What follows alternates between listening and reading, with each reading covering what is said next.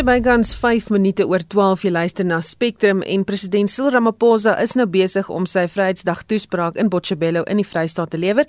Kom ons hoor wat sê hy. Our people expect that those who have been tasked with the job of improving their lives should do just that and they should not steal the resources that belong to our people and put them in their own pockets. A continued practice of stealing the resources, abusing the resources, diverting the resources, and wasting the resources is an affront against our people, and our people deserve better. They deserve the best that this country can give. So it is on such a day that we need to reflect on some of those missteps. It is on a day like this that we need to remind those that we have put, that you, the people of South Africa, have put into key positions, that their preoccupation must be the people of South Africa and not themselves. En dit natuurlik die stem van president Cyril Ramaphosa is besig om sy Vryheidsdag toespraak in Botshabelo in die Vrystaat te lewer en vir sy mening praat ons nou met 'n politieke ontleder verbonde aan die Noordwes Universiteit professor Andrei Dievenage. Goeiemôre Andrei. Uh, Goeiemôre. Wat is jou indrukke van hierdie toespraak? Wel, ek het kans gehad om die toespraak vinnig deur te lees En ek dink dit is belangrik om voordat ek op die inhoud oor die inhoud iets sê, miskien net die konteks te gee. Ek dink dit is belangrik om te sê dat hy die toespraak op die tuiswerf van meneer Eisbach geskole lewer en dat dit simbolies en psigologies baie belangrik is. Dis 'n aanduiding dat hy in beheer van die ANC is of besig is om beheer te neem van die ANC en dat dit sielkundig eintlik meneer Magashule effens terugstoot. Die paar woorde wat ons nou geluister het, spreek hy hom baie duidelik uit teen korrupsie en teen wanpraktyke wat verband hou met die breër staatskaping konteks. Ek moet sê die breë inhoud wat ek gelees het, is 'n baie gematigde reflektering op 27 jaar van vryheid ek dink dit is 'n gematigde toespraak. Dis 'n aanduiding dat dit nog net 'n begin is, maar dat daar nog 'n lang pad is om geloop te word ten einde doelwitte wat graag bereik wil word wel te bereik. Nou daar was betogings in die omgewing van Botshabelo en ander gedeeltes van die Vrystaat. Ek dink dan Winburg gisteraand weer uh, die N1 toegemaak, voertuie beskadig. Uh, wat is jou indrukke van hierdie betogings wat gehou is? Uh, wel ek moet eerlik sê ek dink die impak daarvan was baie meer beperk in omvang as wat algemeen verwag is. Ek dink op hierdie stadium sukkel kom ons noem dit nou maar die RET magte om regtig op die grond gekonsolideer te kry. Dit wil nie sê dat die saak vorentoe nie 'n verdere momentum kan kry nie, maar op die oomblik lyk dit of meneer Ramaphosa sy posisie relatief veilig gekonsolideer het.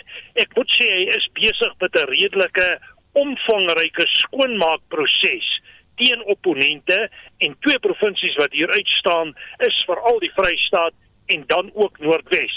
Maar ek dink aan die omvang van die onluste en die opstande is dit relatief beperk. Ek moet dit wel kwalifiseer deur te sê dat my inligting is dat daar 'n baie sterk veiligheidsaanwesigheid was gedurende die dag en die vorige dag. Nou daar is veral vandag kritiek teen gebrekkige dienslewering. Dit word beskryf as 'n element wat dringend aandag moet geniet omdat die landsburgers se vryheid of jy weet dit ons vryheid inperk. Stem jy saam? Ja, daar is geen twyfel daaroor dat 80 tot 90% van al ons munisipaliteite is op 'n manier disfunksioneel nie. 50% mense lewe in armoede as jy dan die belastingbasis kyk, dan betaal omtrent 3 miljoen mense meer as 90% van die belasting. Nou hierdie sake is gewoon nie volhoubaar nie. Die ekonomie het oor die laaste jaar of wat baie swak gegroei onder Covid het dit ewen uh, het dit selfs versleg in 'n relatiewe negatiewe groeikoers van -7%. So ek dink die uitdagings is geweldig groot afhangende van watter definisie jy werk van werkloosheid is dit onderskeidelik of 30 of 40%. Nou dis nie 'n ideale situasie nie. Veral as jy kyk na werkloosheid onder die jeug. En ek dink in die verband bestaan daar baie groot uitdagings. Die vraag is of meneer Ramaphosa na vore kan tree en daardie leiding kan neem, want om hierdie leiding te neem gaan 'n redelike groot eis stel. Jy sal op 'n manier die ekonomiese paradigma van die ANC baie drasties moet verander. Jy sal baie versigtig moet handel met artikel 25 van die grondwet. Jy sal mense moet gerusstel om geld in die land in te bring. Jy sal sosiaal-maatskaplike vraagstukke moet hanteer. Jy sal dienslewering drasties moet verbeter. En dit mag beteken dat jy kaderontplooiings moet stop en verminder en mense aanstel wat werklike bydrae lewer tot dienslewering in die gemeenskap. Dit is die tipe uitdagings en om dit te kan doen is geen gemaklike taak nie. Ons weet daar is weerstand op talle vlakke, maar ek dink die skuwe wat meneer Ramaphosa die laaste 2-3 weke gemaak het, is die regte skuwe en ek dink dis die regte rigting wat hy op die oomblik beweeg. Is Vryheidsdag soos wat hy vandag gevier word nog hoegenaamd relevant? Ja, dit hang natuurlik af vir wie jy dit sou vra. Ek dink as jy vir baie mense van die wit gemeenskap die vraag sou vra, sal hulle sê dit het nie werklik relevantie nie. Dit het net net nog 'n dag, nog 'n vakansiedag geword. By die swart gemeenskappe is die entoesiasme ook heelwat meer gedemp. Nou dit is maar goed wat gebeur dekades na Vryheidsdag en onafhanklikheid, soos 'n party mense soms daarna verwys. En ek persoonlik dink die dag is belangrik, maar ek dink die dag moet vir ons eerder 'n rigtingwyser wees op die pad vorentoe as die suksesse of mislukkings van die laaste 24 jaar of 27 jaar. Wat wel belangrik is, is dat ons leer uit die 27 jaar en ek dink hier's 'n groot klomp lesse wat ons geleer het. En soos Paul Creer gesê het, neem uit die verlede wat goed is en laat ons die toekoms daarmee bou. En ek moet sê iets daarvan het ek gelees in Ramaphosa se bydrae wat hy gelewer het. Baie dankie, dit was professor Andrei Dievenage, politieke ontleder aan die Noordwes Universiteit. Amnesty Internasionaal waarsku dat menseregte vergrype in die land nie toegesmeer kan word onder die dekmantel van Vryheidsdag nie. Die uitvoerende direkteur Shanila Mohammed het aan Marlenae Forsie gesê in 2021 moet Vryheidsdag vryheid van onderdrukking simboliseer. Almost 50% of the population lives below the poverty line. The fact that we have such high levels of gender based violence, you know, the fact that 54% of households have no access to clean water. Imagine what horrendous situation that is under COVID. We have 14% of the population who live in informal settlements. But, you know, at the end of the day, it's really a situation where the government is not providing its citizens with their basic human rights. Volgens haar loop menseregte en sosio-ekonomiese regte hand aan hand. The World Bank in 2019 declared South Africa the most unequal country in the world.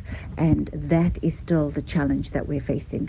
You know, for example, in education, a child's experience of education in South Africa still very much depends on where they were born, how wealthy they are, or the color of their skin. That should not be happening. Hoewel die grootste gedeelte van die land se inwoners meer regte het as tydens apartheid, meen Mohammed daar moet nog baie water in die see loop voordat ons 'n menseregte oorwinning in die land kan verklaar. We need to have a country where people have clean running water, which is their basic human right, where people are not using buckets where there's no sanitation. We need basic essential services to be delivered to the people. And, you know, we are a long, long way from there. The ANC government has got to stop focusing on power dynamics within the party and start focusing on delivery because most South Africans, all they want is for them to be able to lead a life of dignity where their human rights are realized. Dit was die uitvoerende direkteur van Amnesty Internasionaal in Suid-Afrika, Shanila Mohammed.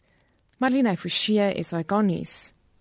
In ander nuus, Solidariteit en AfriForum sê hy is verheug oor die Noord-Gautengse Hooggeregshof uitspraak wat 'n interdik aan die organisasie toegestaan het om die uitbetaling van enige fondse vanuit die Departement van Toerisme se Ekwiteitsfonds te belet.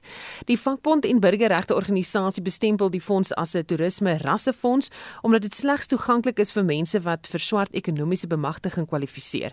Die bestuurshoof van Solidariteit, Dirk Herman, sê dit is skandelik dat die raskaart gespeel word terwyl die mensdom veg vir oorlewing. Dis 'n lang stryd. Die, die uh, departement van toerisme het 'n fonds geskep en daardie fonds se doel is om die toerisme uh, sektor wat onder ongelooflike druk is te help om te herstel, om te ontwikkel en om werk te skep. Daar is net een klein stukkie detail in hierdie spesifieke fonds gewees en dit is dat wit ondernemings uitgesluit was. En ons het gesê dat dit is onmoontlik, dit kan nie aanvaarbaar wees dat jy in 'n tyd van 'n pandemie mense uitsluit op grond van hoe hulle lyk en nie op grond van hulle krisis nie. En daarom het Solidariteit en Afriforum hof toe gegaan en ons het gevra vir 'n interdikt teen die fonds en ons was suksesvol. Dit beteken dus dat daar nou geen fondse uitbetaal kan word nie hangende hierdie spesifieke interdikt. Hoekom was dit vir julle belangrik om hierdie hele proses te stop? Wel, in die eerste plek gaan dit oor 'n morele argument. En die morele argument is dat 'n mens kan nie in 'n krisis soos hierdie mense help op grond van ras nie. Die feit is dat hierdie spesifieke virus en die inperkings diskrimineer nie op grond van ras nie en daarom kan hulp ook nie diskrimineer op grond van ras nie. En dis 'n eenvoudige morele argument. Die ander argument is dat daar is amper 'n gees in Suid-Afrika wat besig is om te ontwikkel dat ras is besig om die reg te troef. En dit is amper asof ons 'n rasstaat is en die grondwet funksioneer eintlik binne die groot rasstaat en ondersteun dit. So ons dink daar is 'n gees van wat ons noem rasmalheid in Suid-Afrika. En dit moet eenvoudig gestop word. Dit gaan eenvoudig te ver. En hierdie saak was eintlik 'n nuwe raslaagtepunt in Suid-Afrika. En daarom het ons gesê dat hierdie fonds moet beveg word. Ons moet 'n interdik teen hierdie spesifieke fonds kry. Voel julle ook dat die regering die pandemie gebruik het om geforseerde verandering in hierdie sektor af te dwing? Dis deel van die morele argument is dat mense kry ongelooflik swaar. En nou word hierdie spesifieke swaar kry van wit ondernemings misbruik om transformasie teweeg te bring. So uit 'n morele oogpunt kan dit eenvoudig net nie geregverdig word nie. Ons sê ons het op die oomblik 'n spesifieke situasie in Suid-Afrika en in die wêreld. Dit is 'n krisissituasie en jy moet dit hanteer as 'n krisissituasie. Die argument dat daar is swart bemagtigingswetgewing en hulle wil moet daaraan voldoen ensovoorts. Is eenvoudig nie nou geldig nie. Daar is talle regte wat opgeskort is in hierdie tyd. My reg tot veiligheid en beweging en my reg om skool toe te gaan. En daar's 'n klomp regte wat opgeskort is deur 'n bevelsraad. En hierdie een spesifieke reg, die rasreg, is absoluut. Hy word eenvoudig toegepas, maak nie saak wat die krisis op die oomblik in Suid-Afrika is nie. So ons dink die krisis is wel misbruik om rasse transformasie na vore te bring en dit is vir ons moreel uit 'n morele oogpunt net eenvoudig nie regverdigbaar nie. Wat gebeur nou verder? Wel, ehm um, hierdie stryd is nie verby nie. Onthou dis 'n interdik en die interdik stop hierdie spesifieke fonds en stop die uitbetaling van die fonds as sonder twyfel gaan die meriete van die fonds nog verder bespreek word in die hof. Ons is oortuig dat van die regering sal voortgaan met die saak. So dit beteken dus dis 'n belangrike taktiese oorwinning, maar die stryd is nog nie gewen nie.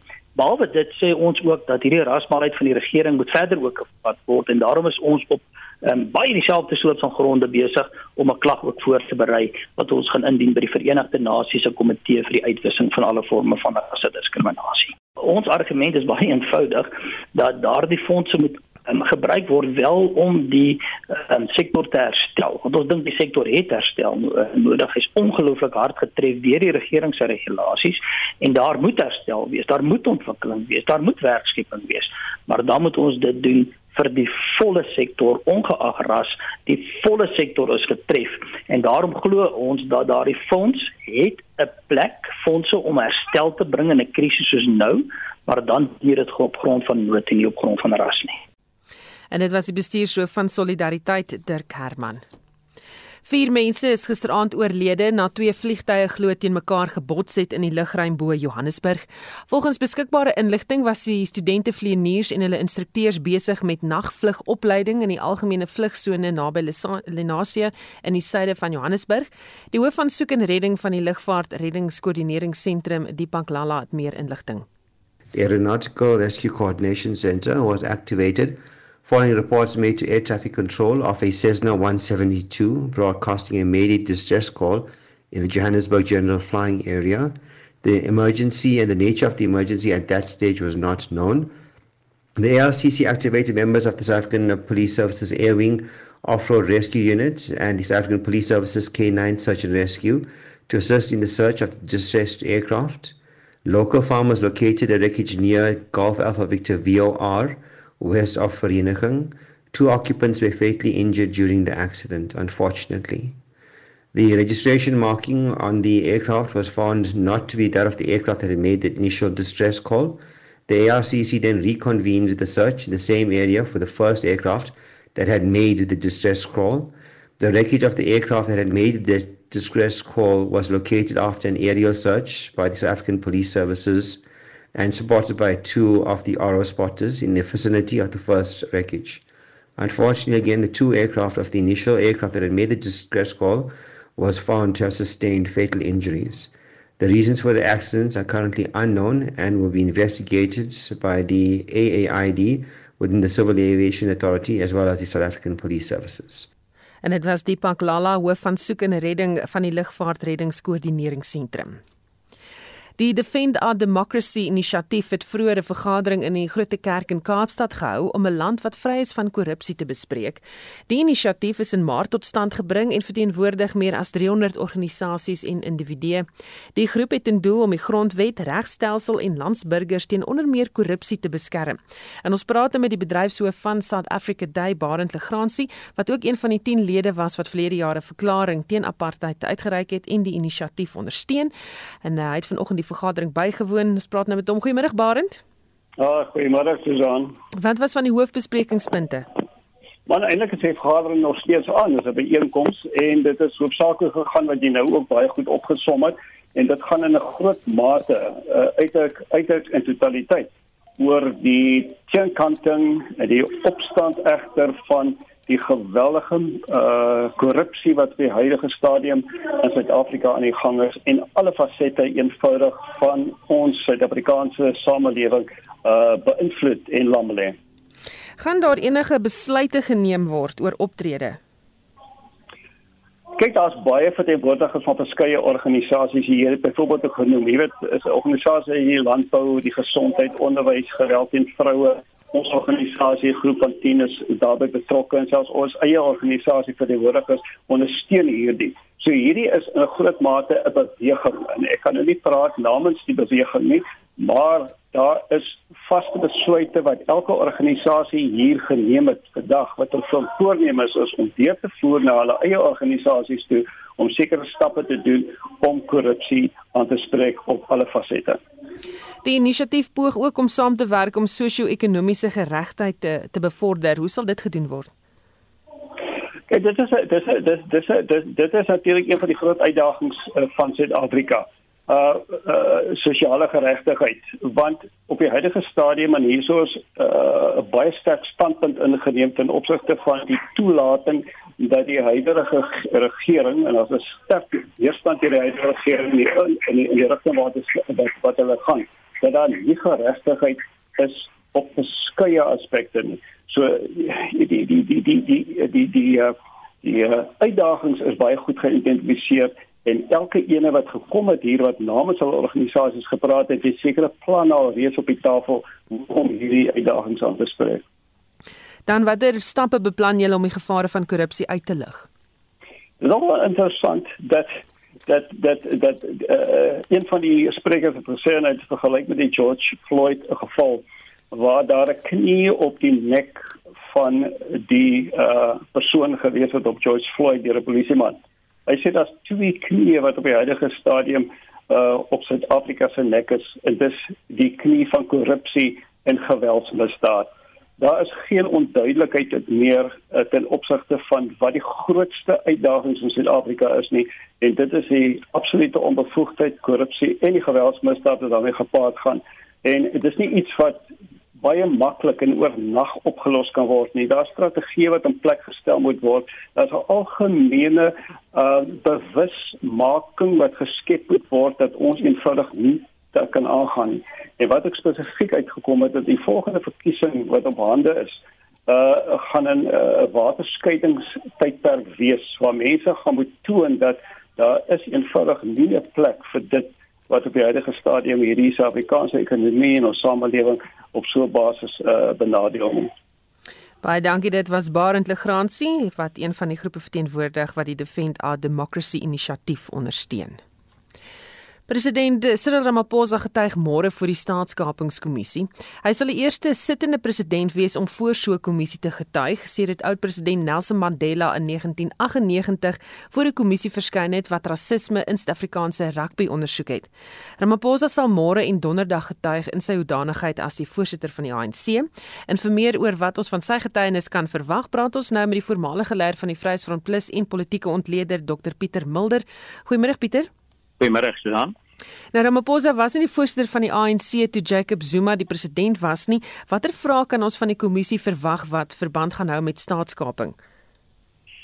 Wel ek kan vaar hy gaan moet instaan vir 'n klomp goed. Kom ek sê eers in, in die algemeen die Sonderkommissie se ondersoek as mens hom opsom is eintlik 'n reuse ondersoek na die ANC as regering afgelope 27 jaar met baie ernstige aantekenings oor korrupsie en onbekwaamheid teen die ANC en om jy onthou ons is in 'n verkiesingsjaar hierdie beeld hang. So ek dink breedweg Ramaphosa se taak wees om die ANC se beeld te probeer red. Uh, Veral met die oog op die verkiesing en tans al die afbreekende goeders. Nou dis nie 'n maklike taak nie. Ek weet nie hoe hy dit doen nie. Ek het myself in sy posisie probeer indink wat sal ek doen? As ek eerslik begin deur verskoning te vra vir al die foute, die korrupsie, die onbekwaamheid uh en uiteindelik uh, dit wat is ja, nie alternatief is jy moet begin om te verdedig en ek dink die goed is onverdedigbaar baie daarvan. En dan sal ek probeer om Suid-Afrika te oortuig dat die ANC geleer het daaruit en dat korrupsie en onbekwaamheid nie weer gaan gebeur nie. Nou dis maar my scenario of hy so gemaak weet ek nie. Sy dilemma is hy was 5 jaar lank adjunk president, lank Zuma. En die kern van die vraag gaan daar rondom draai. Met ander woorde, het jy geweet hiervan? Het jy geweet daarvan? Kom ek nou 'n voorbeeld. Nee nee is afgedank. Gordon is afgedank. Kerno inkomste in Rusland. Met Molefe en Eskom soort van. En dan is die groot vraag, het jy geweet? As jy geweet het, wat jy daaraan gedoen het. En ek dink die trant gaan daar rondom gaan As jy sê ek nie geweet nie, nee, goed, dan dan gaan daar getuienis laat wees wat sê jy het. En as jy sê ek het geweet, nee, goed. As ek in die vraagsteller se kant is, sal ek sê onthou jy het jy eet afgelê as wat jong president waar jy onderneem om jou plig in die beste vermoë gewete te doen. Het jy dit nagekom? En ek kan dink nou kan ons hom daar baie punte vasmaak uiteindelik wat wat dit betref. So ek vermoed dit gaan so 'n tipe debat wees môre rondom hom ja. Nou Ramaphosa se bereidwilligheid om voor die kommissie te getuig is verwelkom, maar het hy regtig 'n keuse gehad gegee seker beweringe van korrupsie wat ook teen hom gemaak is? Ek dink hy het nie tegniese keuse nie. Ek ek seker ek dink nie die kommissie sou hom sommer gedagvaar het nie. Hy's nou president en die soort van ding nie.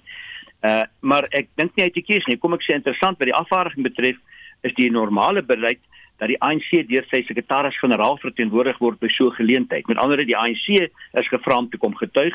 Gewoonlik doen die sekretaris-generaal dit. Nou hierdie geval is sekretaris-generaal Ismagashule. En die verlede waar 'n hofsaak teen die ANC was, het hulle vereis gestuur die sekretaris-generaal en hy staan in. So dis klaar betekenisvol dat uh, Zuma dat uh, Ramaphosa self kom en dit kom doen. Ek dink dit is ook bietjie simbolies.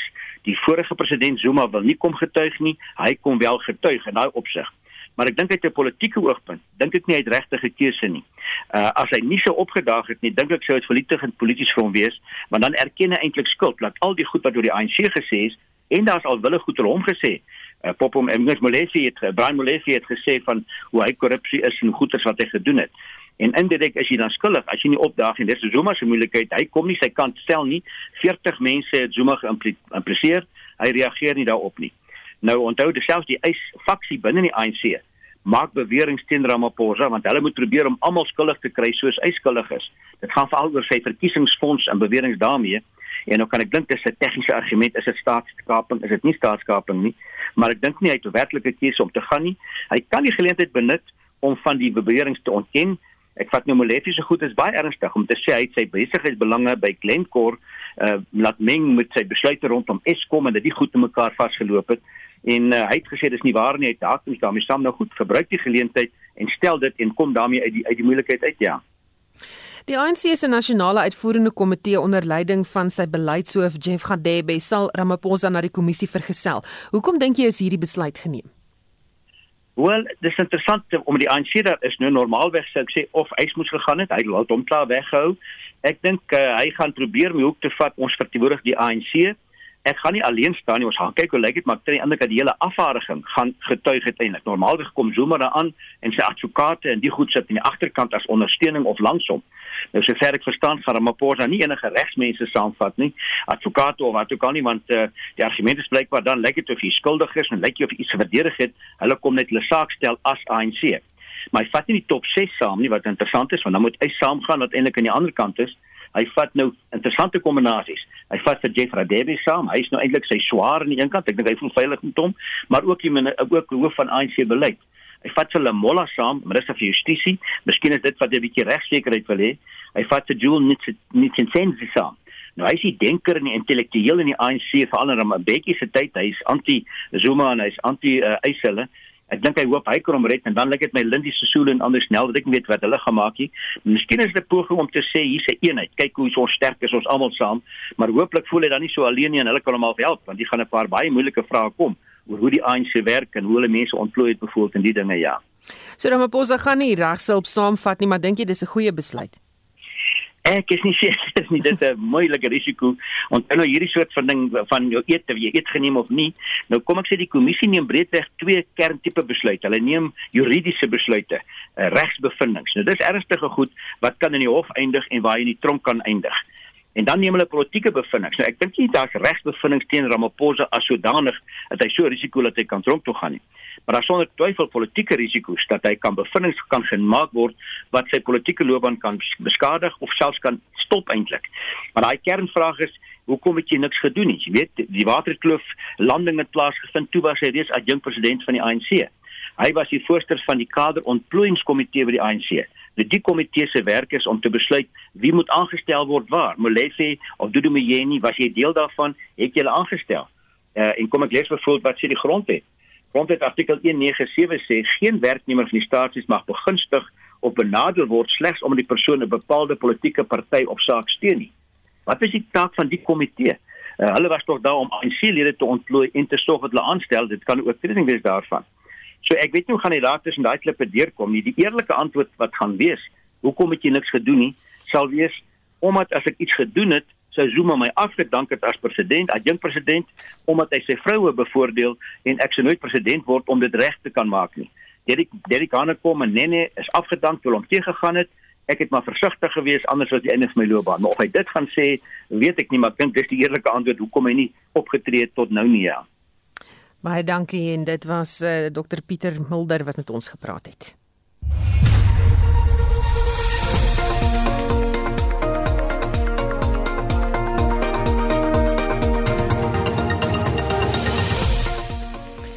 In die afgelope halfuur president Cyril Ramaphosa het sy Vrydag boodskap in Botshabelo gelewer.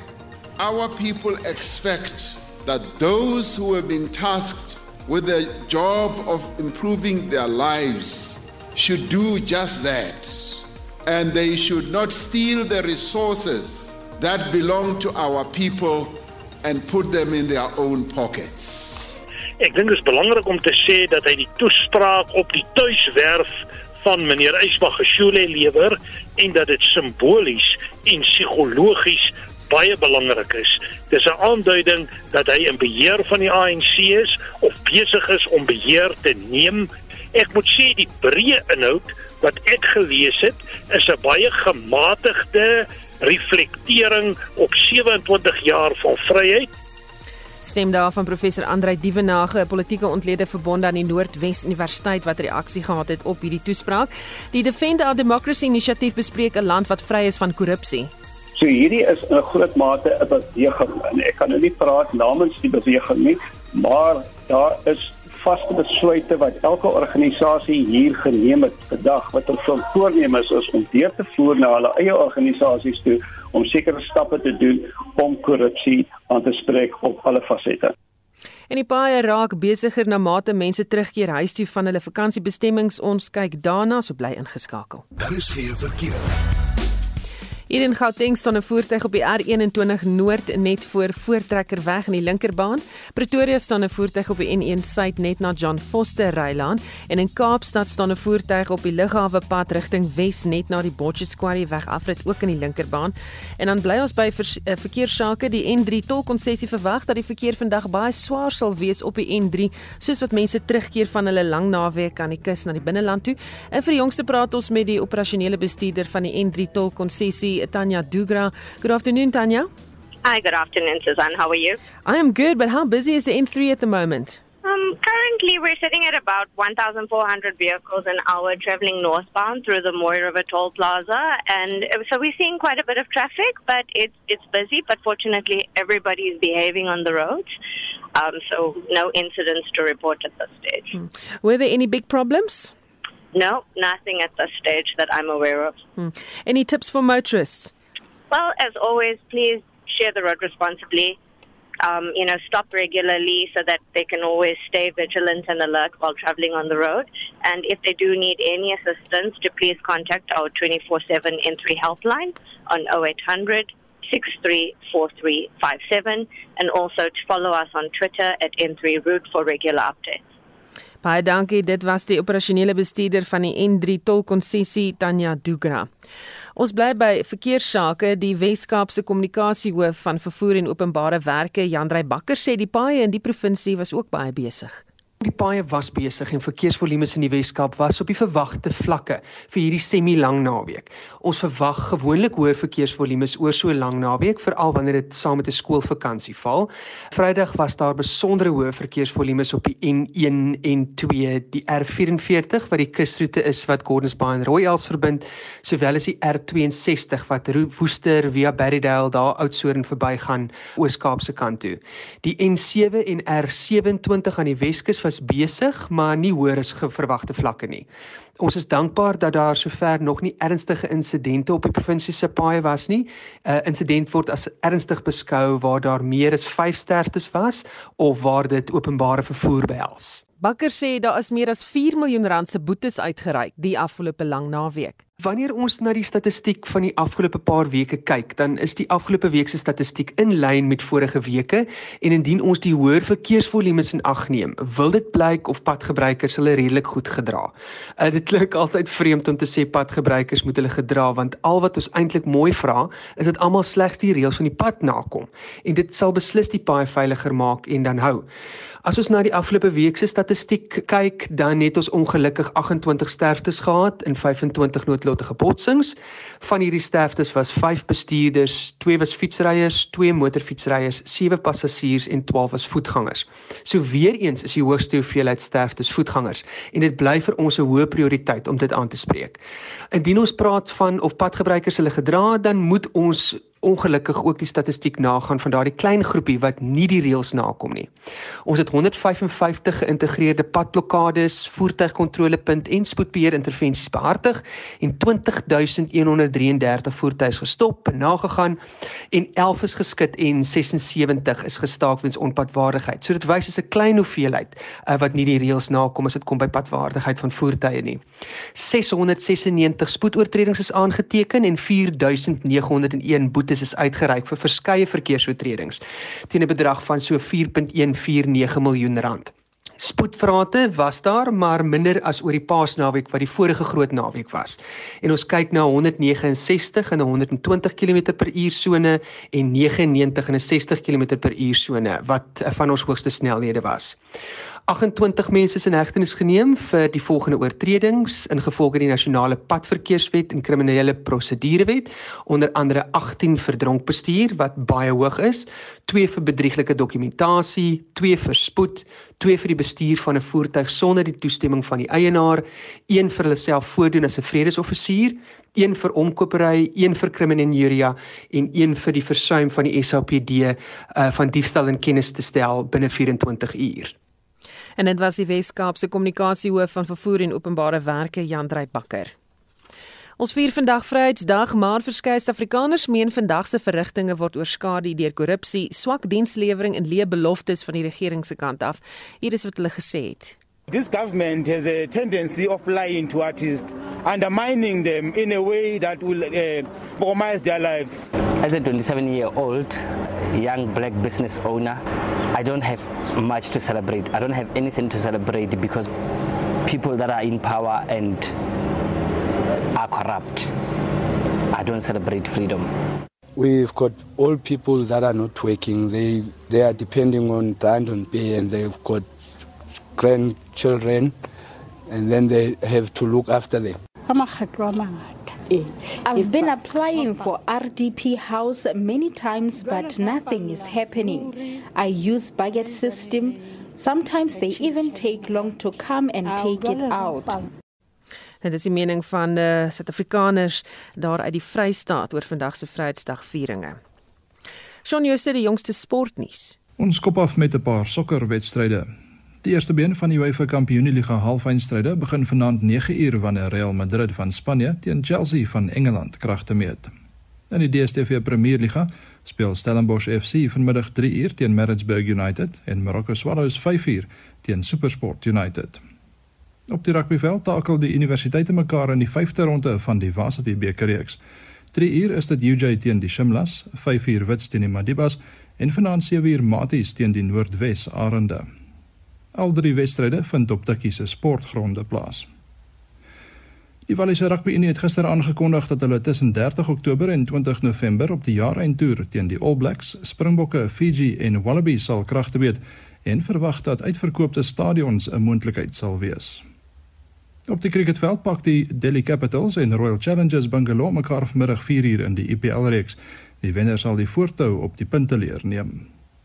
Ons herinner ook graag dat ons vroue Protea span vir aanstaande jaar se Statebond spele in Birmingham in Engeland gekwalifiseer het en aan 'n 8-span T20 toernooi gaan deelneem. Dit is saam met ander groot lande soos Engeland, Australië, Indië en Nieu-Seeland. En laastens op die tennisbaan kom Suid-Afrika se Lloyd Harris vandag in die eerste ronde van die Estoril Ope in Portugal teen die Italianer Marco Cecchinato te staan. En dit was Shaun Jooste met die jongste sportnuus. Sint 1242 gemeenskapslid van Pietretief Treasure Tabete sê op Vrydag moet ons eenheid vier, maar daar is nie eenheid in die gebied nie. Dis na aanleiding van die verskyning van 5 mans in die hof daar na die dood van die Kokka broers by Pampoenkraal in die gebied. Tabete sê die gemeenskap het ook geen vertroue in die hof in Pietretief nie. today is a very significant day. We should be actually celebrating this day, but unfortunately, here we are. We are discussing incidents that took place similar to the ones that took place in apartheid. Basically, what is happening in Pitrukip is not for the first time where uh, farm workers have been killed insensitively. So, I mean, the very same accused, uh, if you follow our story in Pitrukip in 2013 and even prior that, we actually marched against the Pitrukip Magistrate Court because this court is not prosecuting any farmer, particularly white farmers who have been killing black people here in Kodoluka municipality. I mean, we will speak to about, we'll speak about Khaylang, we'll speak about Otad. I mean, particularly Otad. Uh, 2013, we marched against him, and then nothing happened to him. We were speaking of Mr. Hadebe, who is still living with a bullet inside his head, who was shot by the same Otad who's attending a case, the, the very same Otad who is still applying for a bail for another case, which which is the one where the Toa brothers were killed. So our stance has been white farmers, they've been killing black people, but this court, first of all, they just apply for bail, they get a bail, and then their case doesn't go to any extent. There's no justice. Reliably informed that most some of these judges they are friends with these farmers, so it, there's no justice at all. And our call has been that let us see justice because it is not by coincidence that if you go to Pitrotif Correctional Service, you only find black people while there are more than 15 to 20 black people who have been killed by uh, white farmers. It's not coincidental. We don't see any white men being prosecuted at this particular court in Pitrotif. Tabete sê selfs die wet is teen die plaaswerkers. The law is not even represented because remember when we speak of fair justice system, we are not only speaking for those who are now attending the court, but also for those who are deceased. That is where our problem is because there, there is prima facie evidence. Uh, there's a lot of evidence. 2013, I personally led the march against this particular court. We had prima facie evidence that could have assisted the prosecutors in this court, that could that should have assisted the, the, the magistrate who were, who were presiding on these cases, but uh, such evidence just was denied we, we screamed and nothing happened. And, and, and it just keeps on going. That's why you will find it easy to find black people being killed in these farms because they know exactly that. I mean, we just get arrested for a day, then the next thing we get bailed, then you're out. Die president van die National Farmers Union of South Africa, Motsepe Matlala sê, sedert demokrasie in die land bewerkstellig is, is daar nie aandag geskenk aan transformasie in die landbousektor nie. The matter of farm killings in South Africa it's absolutely a very sad part of our future, I want to call it. However, I think when we took over government in 1994, the agricultural sector in South Africa particularly its own historical background, have never been attended to. Unfortunately, we are now reaping the results of the sector as it, it has been, mindful of the fact that the uh, farm workers on farms generally over the last many decades have not been treated very well. And I think what should have happened in 1994 the agricultural sector should have been given priority in terms of a proper reconciliation and understanding of exactly where we are and where we want to go to. It is not a lie that some of the white farmers on farms, and, and it is a historical fact that they were uh, not treating their workers, not all of them, but some of them. And and, and remember that families of farm workers that have been killed. Nou dit was Motsepe Matlala, die president van die National Farmers Union of South Africa. En vir sy reaksie praat ons met Christo van der Rede, uitvoerende direkteur van Agri SA. Goeiemôre Christo. Goeiemôre Susan en goeiemôre aan die luisteraars. Jou reaksie op die stellings wat gemaak is deur die gemeenskapsverteenwoordiger van Pietretief en die landbouorganisasie. Wel Susan, ehm um, uh daar's 'n ou regsgesegde wat lê uh die wat beweer moet bewys. En ehm um, uh jy weet dit is baie maklik vir mense om allerlei stellings te maak. Uh maar uh waarom nie hierdie uh tipe van uh jy weet beskuldigings uh opneem met die bepaalde uh instellings wat uh, pas dan daarvoor nie. Uh, dit verstom my dikwels as mense, jy weet, allerlei veralgemenings maak en allerlei beskuldigings maak, maar hulle kan dit net dood eenvoudig nie bewys nie. Daar is mos 'n manier dat die hof uh jy weet mense op hulle uh kleur op op op op op, op, op velgrondslag uh jy weet verskillend kan behandel nie. Dit kan mos nie werk nie. 'n Hof werk met die bewyse voor uh, jy weet wat daar in die hof gestel word en op grond van daai bewyse is daar 'n skuldige bevinding. Is daar nog uh, weet probleme in die sektor tussen die werksmag en boere? Weet jy die sektor het baie baie ver gevorder as ek dink in terme van wat uh, plaaseienaars doen vir werkers. Uh, daar word allerlei uh, jy weet uh, byvoordele gegee en om ek praat nie net van behuising nie, maar ek praat ook van uh ordentlike mediese sorg. Ek praat ook van uh kleutersorg, uh beurse vir jong mense. Uh en maar dit hang baie af van die die winsgewendheid van 'n bepaalde sektor. Jou vrugtebedryf, jou wynbedryf as ook uh vele ander bedrywe wat goed gedoen het afgelope jaar natuurlik by die uitsondering van die wynbedryf. Daardie boere gaan uit hulle pad het om 'n uh, goeie verhouding met hulle werkers te handhaaf want sonder 'n produktiewe werksmag is jy as 'n boer verlore. Ja, daar is vrot appels en uh, Agri SA het 2 jaar gelede by ons kongres 'n sosiale akkoord aanvaar en daai akkoord spel baie duidelik uit uh, wat uh, tussen wat wat die verhouding behoort te wees tussen 'n boer en sy werkers.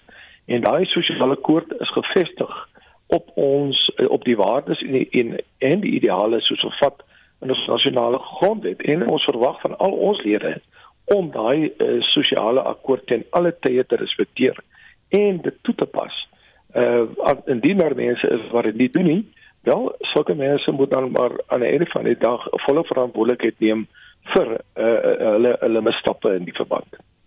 Die landbouorganisasie sê daar's nie genoeg transformasie in die sektor nie. Is dit so na jou mening of dink jy dalk die transformasieproses word doelbewus uit sekere oorde gesloer vir politieke redes? Weet jy in die in die in die bedryf in die bedryfsektor uh, is daar die afgelope paar jaar baie baie gedoen om ehm uh, jy weet uh, om 'n inklusiewe sektor te bou. Graan SA byvoorbeeld het 'n massiewe program amper 10000 swart boere wat voordeel trek uit daai program uit. Uh, die vrugtebedryf uh, Hotgrow het hulle eie program. Uh, die sitrusbedryf het hulle eie akademie uh, wat help ons swart boere te vestig. Dan wil ek eens praat van die wolbedryf en die vleisbedryf. Die wolbedryf 4000 swart boere wat opgelei is en wat hulle produkte na die buiteland uitvoer. En dan het jy die Pals groep En dan is daar baie van ons groot boere wat uitstekende vennootskappe het. Dink maar aan ZC2, jy weet, uh, en allerlei ander die die, twee broers, die Carson groep. Hierdie mense doen verskriklik baie om uh, 'n inklusiewe en 'n getransformeerde ehm uh, ehm uh, jy weet landbousektor te help vestig. Ons het ons eie planne, ons het Agri SA Enterprises wat nou besig is om swart boere te help vestig en dan het ons ook 'n massiewe opleidingsprogram uh, binne in Agri SA Enterprises uh, wat dan uitgerol word. Ons gaan nou 'n baie groot program in samewerking met die Agri SA uitrol. En uh, dit is ons uh, standpunt dat jy kan nie die sektor transformeer op grond van uh tekens nie, rasse tekens nie. Ons moet wegkom van rasse tekens. Ons moet die uh sektor transformeer deur middel van uh die aanstelling van mense op grond van meriete. En dit is waarom Agri SA saam met al sy vennote nou besig is om 'n baie groot plan bymekaar te sit sodat aan die einde van die dag ons uh, die mense wat inkom in die sektor dat hierdie mense wel oor die nodige vaardighede en die kennis beskik om die sektor vorentoe te vat en uh, uh, uh, ons wil nie ons wil nie geassosieer wees met uh, selfs wat mense bloot net op grond van rasse tekens uh, aanstel nie. Baie dankie dit was Christo van der Rede uitvoerende direkteur van Agri SA Die voormalige minister van minerale hulpbronne, Mosebenzi Zwane, het weer vandag vir die staatskapingskommissie getuig. Dit is die 4de keer dat hy voor die kommissie getuig. Esie de Klerk hou die verrigtinge vir ons dop en ons gaan met haar praat. Maar Esie, voordat ons by Zwane se getuienis uitkom, kom ons skuif net vinnig die fokus na die getuienis wat die kommissie gisteraand aangehoor het van Norma Gigaba, die vervreemde eggenote van die voormalige kabinetsminister Malusi Gigaba. Ja, Susan Noma Gigaba het verskeie onthullings gemaak onder meer dat Malusi Gigaba na die Guptas verwys het as sy nie amptelike raadgewers terwyl hy die minister van openbare ondernemings was, dat hy miljoene rande van die Guptas ontvang het wat vir hulle troue en witbrood betaal het as ook ander geskenke wat 'n BMW ingesluit het. Sy het ook getuig dat die Guptas verskeie kere aan Malusi Gigaba sou voorsê om aanstellings onder meer by Eskom te maak. Nou verskuif ons die fokus na Mosebenzi Zwane se getuienis. Vandag is die soeklig geplaas op Zwane se verbintenis met die Guptas.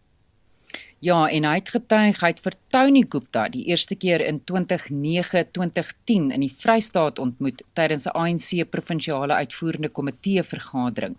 En Tony Gupta was in die Vrystaat om die familie se belange in hulle koerant The New Age te verteenwoordig en Zwane het met hom saamgewerk in sy hoedanigheid as die Vrystaat se regering se tesourier. I should hasten to say that I have interacted with him on a number of occasions, but also indicate that uh, on those occasions, there were occasions necessitated either by a mandate from government or a mandate from my own political party. I have not interacted with him outside that. So he is not my friend. Uh, as I've said, I met him in a meeting of the African National Congress. Nazwani het getuig dat hy toe hy die minister van minerale hulpbronne was na Switserland gereis het in 'n poging om 3000 werknemers van afdanking te probeer red en die Guptas is ook hier ter sprake. Ja, Zwani het getuig dit was mynwerkers wat hulle werke sou verloor nadat die Optimum steenkoolmyn gesluit het. En 'n moontlike oplossing was dat die Gupta verwante maatskappy Oakbay sou kon intree. Swane moes na Switserland reis om met Glencore se bestuurshoof, 'n meneer Gleisenberg, het hy getuig te vergader hieroor en die Gupta sakevernoot Salim Essa was ook teenwoordig tydens die vergadering namens die Gupta verwante Tegeta myn groep wat aan Oakbay behoort. We discussed about possible solutions as the discussions ensued. Mr. Gleisenberg said he is not uh, well vested with issues of the sale of Glencore. So that meeting ended without uh, any result or any decision. And uh, I should say, um, according to the affidavit of uh, Mr. Klassenberg, which I, I fully agree, he had invited me for a dinner to discuss, uh, he wanted to discuss some issues, uh, business issues. I could not uh, honor that dinner. En Zwane het toegetuig daar was ook 'n tweede vergadering die volgende dag waar Tony Gupta ook was en Zwane het gesê hy het nie gebly vir die vergadering nie maar net sy kommer oor die werksverliese bespreek en dat 'n oplossing spoedig gevind moes word. Hy het getuig 'n ooreenkoms is wel bereik sonder dat hy deel was van die besprekings. Zwane het voortgegaan om te sê dat hy saam met Tony Gupta na Indië en na Dubai gereis het weens 'n mediese toestand wat hy gehad het en sy getuienis voor die kommissie duur voort. Baie dankie, dit was Estie de Klerk. Brandbestryders het die veldbrand naby die Roubenheimer dam by Oudtshoorn in die Klein Karoo onder beheer gebring en ons praat nou met die brandweerstasie beampte van die uh, Tuinroete distriksmunisipaliteit Johan Brand. Goeiemôre Johan. Uh goeiemôre Susan. Is die brand nou heeltemal geblus? Susan ja, op hierdie oomblik lyk alles baie goed. Uh ons ouens was vroeg vanmôre uh het hulle die skof oorgeneem van nagskof af en uh, die lyne is gerapporteer dat daar geen uh, geen uh, visie is van enige rook op die lyne nie. Daar was twee warm kolletjies wat hulle geïdentifiseer het en uit uh, die die span wat ingekom het het in twee gedeel en ons het al twee twee uh, spanne dan nou op hierdie lyne gesit om hulle lekker koud te maak. En sover is die weer ook lekker gunstig. Dis uh, dis koelerig deur deur deur die dag daar volgens die weerbureau en die ouens beleef dit ook so dat dit lekker koud is. En daar is nie enige wind op hierdie stadium nie, so dit help ons natuurlik baie om hierdie lekker lyne lekker koud te maak en dan uh, dat hierdie vuur natuurlik weer opvlam. Baie dankie, dit was Johan Brand, die brandweerstasie beampte van die Tuinroete distriksmunisipaliteit. Marlenae Forsie sluit nou by ons aan met 'n oorsig van ons hoofstories en stories wat nog verwikkel, Marlenae. Ja, Susan, president Cyril Ramaphosa het pas sy toespraak vir Vrydag gelewer. Hy spreek om skerp uit teen korrupsie en bedrog in die staatsdiens en hy sê staatsamptenare is aangestel om landsburgers se lewens te verbeter. Marlenae, en so gepraat van korrupsie, die president getuig môre voor die Sondekommissie. Ja, hy getuig die slag in sy hoedanigheid as president van die ANC. Ons het vroeër in die program met die oud-parlementslid en politieke ontleder Pieter Mulder gehoor wat hy verwag en hy het aan ons gesê dat hy dink as hy in hierdie situasie was, sou hy eers om verskoning gevra het vir die chaos waarin die land gedompel is. Dis nou wat hy gesê het en um, hy het ook 'n paar scenario's geskep um, oor wat van die moontlike gesprekke is waarna mense kan uitsien. Um, later sal jy daai gesprek kan volg op ons webtuiste. Alle programme wat ons het word nou gepot gooi. En dan 'n uh, politieke ontleder aan die Noordwes Universiteit, Andrei Dievenage, het ook vroeër op die um, program gepraat. Hy stem saam met verskeie rolspelers in die samelewing dat die ekonomiese probleme in die land inwoners se vryheid aan bande lê as ek eerslik begin deur verskoning te vra vir al die foute, die korrupsie, die onbekwaamheid die alternatief is jy moet begin om te verdedig en ek dink die goed is onverdedigbaar baie daarvan. En dan sal ek probeer om Suid-Afrika te oortuig dat die ANC geleer het daaruit en dat korrupsie en onbekwaamheid nie weer gaan gebeur nie. Sy dilemma is hy was 5 jaar lank adjunkt president, lank Zuma. En die kern van die vraag gaan daar rondom draai. Het jy geweet hiervan? Het jy geweet daarvan? Nene is afgedank. Gordon is afgedank. Kernooreenkoms teen Rusland. Maar Molefe en Eskom soort van En dan is die groot vraag, het jy geweet as jy geweet het wat jy daaraan gedoen het? Sisteem daarvan Pieter Mulder natuurlik en nie uh, Andrei Dievenage nie. Ons luister nou na wat Andrei Dievenage sê. Daar is geen twyfel daaroor dat 80 tot 90% van al ons munisipaliteite is op 'n manier disfunksioneel nie. 50% mense lewe in armoede. As jy na die belastingbasis kyk, dan betaal omtrent 3 miljoen mense meer as 90% van die belasting. Nou hierdie sake is gewoon nie volhoubaar nie. Die ekonomie het oor die laaste jaar of wat baie swak gegroei onder Covid het dit selfs versleg in 'n relatiewe negatiewe groeikoers van -7%. Stem daar van die politieke ontleder aan die Noordwes Universiteit Andrei Dievenage en Marlenae Forsie het vir ons daardie verslag saamgestel. daarmee groet die Spectrum span. My naam is Susan Paxton. Geniet die res van jou vakansiedag en bly geskakel vir 360 net hierna.